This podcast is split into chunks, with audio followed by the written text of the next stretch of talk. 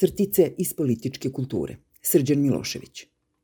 Sa mesta na kojem je nekada bila Narodna skupština Republike Srbije, ponovo su se čuli vapaji nad hudom sudbom avetokratora. Poznati narodni poslanik, pozivajući se na svoje istoričarsko zvanje i znanje, u jednom otvorenom pismu upućenom avetokratovim roditeljima, doslovno izgovorio sledeće. U tom pismu su uvrede i roditelja i Aleksandra Vučića nezabeležene od pojave hrišćanstva do danas – Ja sam istoričar, voleo bih da mi neko od istoričara kaže da su bile ikada veće i brutalnije uvrede.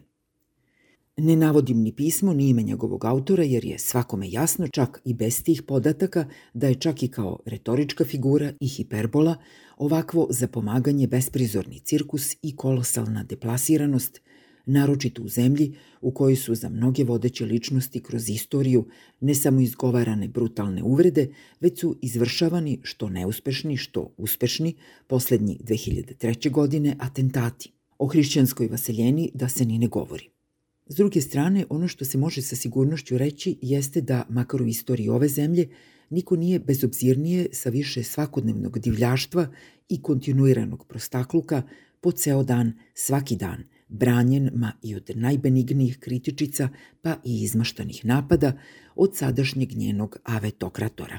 Upornost sejanja mržnje, medijskog terora i kidisanje na kritički orijentisane pojedince u avetokratorovoj Srbiji od strane njegovih sejza je dovedeno do patološkog stanja. Zapravo, politika je u ovom društvu prisutna samo u formi zadaha njenih zemnih ostataka – Osim ove saharinske epizode, pogledajmo i još jednu zanimljivu okolnost. Iako već i sama ideja poređenja socijalističke Jugoslavije i sadašnje Srbije po mnogo čemu čini nepravdu onoj prvoj, poslužimo se ipak jednim takvim poređenjem – Uzmimo najme jednu od u datom kontekstu manje značajnih, svakako negativnih karakteristika socijalističke Jugoslavije, koja je istovremeno jedna od suštinskih, takođe negativnih karakteristika današnje Srbije, snažnu ličnu vlast. Ova je po pravilu praćena raznim oblicima udvorištva, a jedna od manifestacija te pojave je bespotrebno pominjanje i pohvale ličnosti kojoj se udvorištvo iskazuje. Za potrebe ovog članka sproveo sam jednu sasvim kratku i vrlo bazičnu analizu skupštinskih govora u socijalističkoj Jugoslaviji i u današnjoj Srbiji. Rezultat je svakako zanimljiv.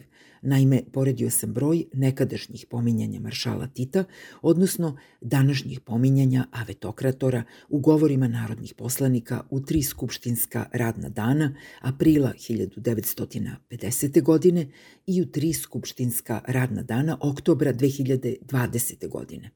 Reč je u danima kada je u oba slučaja bio aktuelan izbor vlade. U prvom slučaju reč je o izboru vlade maršala Tita koji je podno ekspoze nakon kojeg je usledila i rasprava o ekspozeu uz neizbežne pohvale neprikosnovenoj ličnosti tadašnjeg mandatara. U drugom slučaju reč je o izboru vlade Ane Brnabić koja je takođe podnela svoj ekspoze uz neizbežne pohvale Aleksandru Vučiću. U prvom slučaju u govoru narodnih poslanika Tito kao mandatar vlade u pozitivnom kontekstu pomenut je prema prilično preciznom brojanju 101 put, ne računajući formalne situacije kao kada bi bio najavljen kao govornik. U drugom slučaju, prilikom izbora vlade Ane Brnabić, Aleksandar Vučić je pomenut skoro 300 puta, iako niti je vlada njegova, niti bi, osim predloga mandatara, po slovu Ustava išta trebalo da ima sa izborom vlade, a još manje sa njenim programom.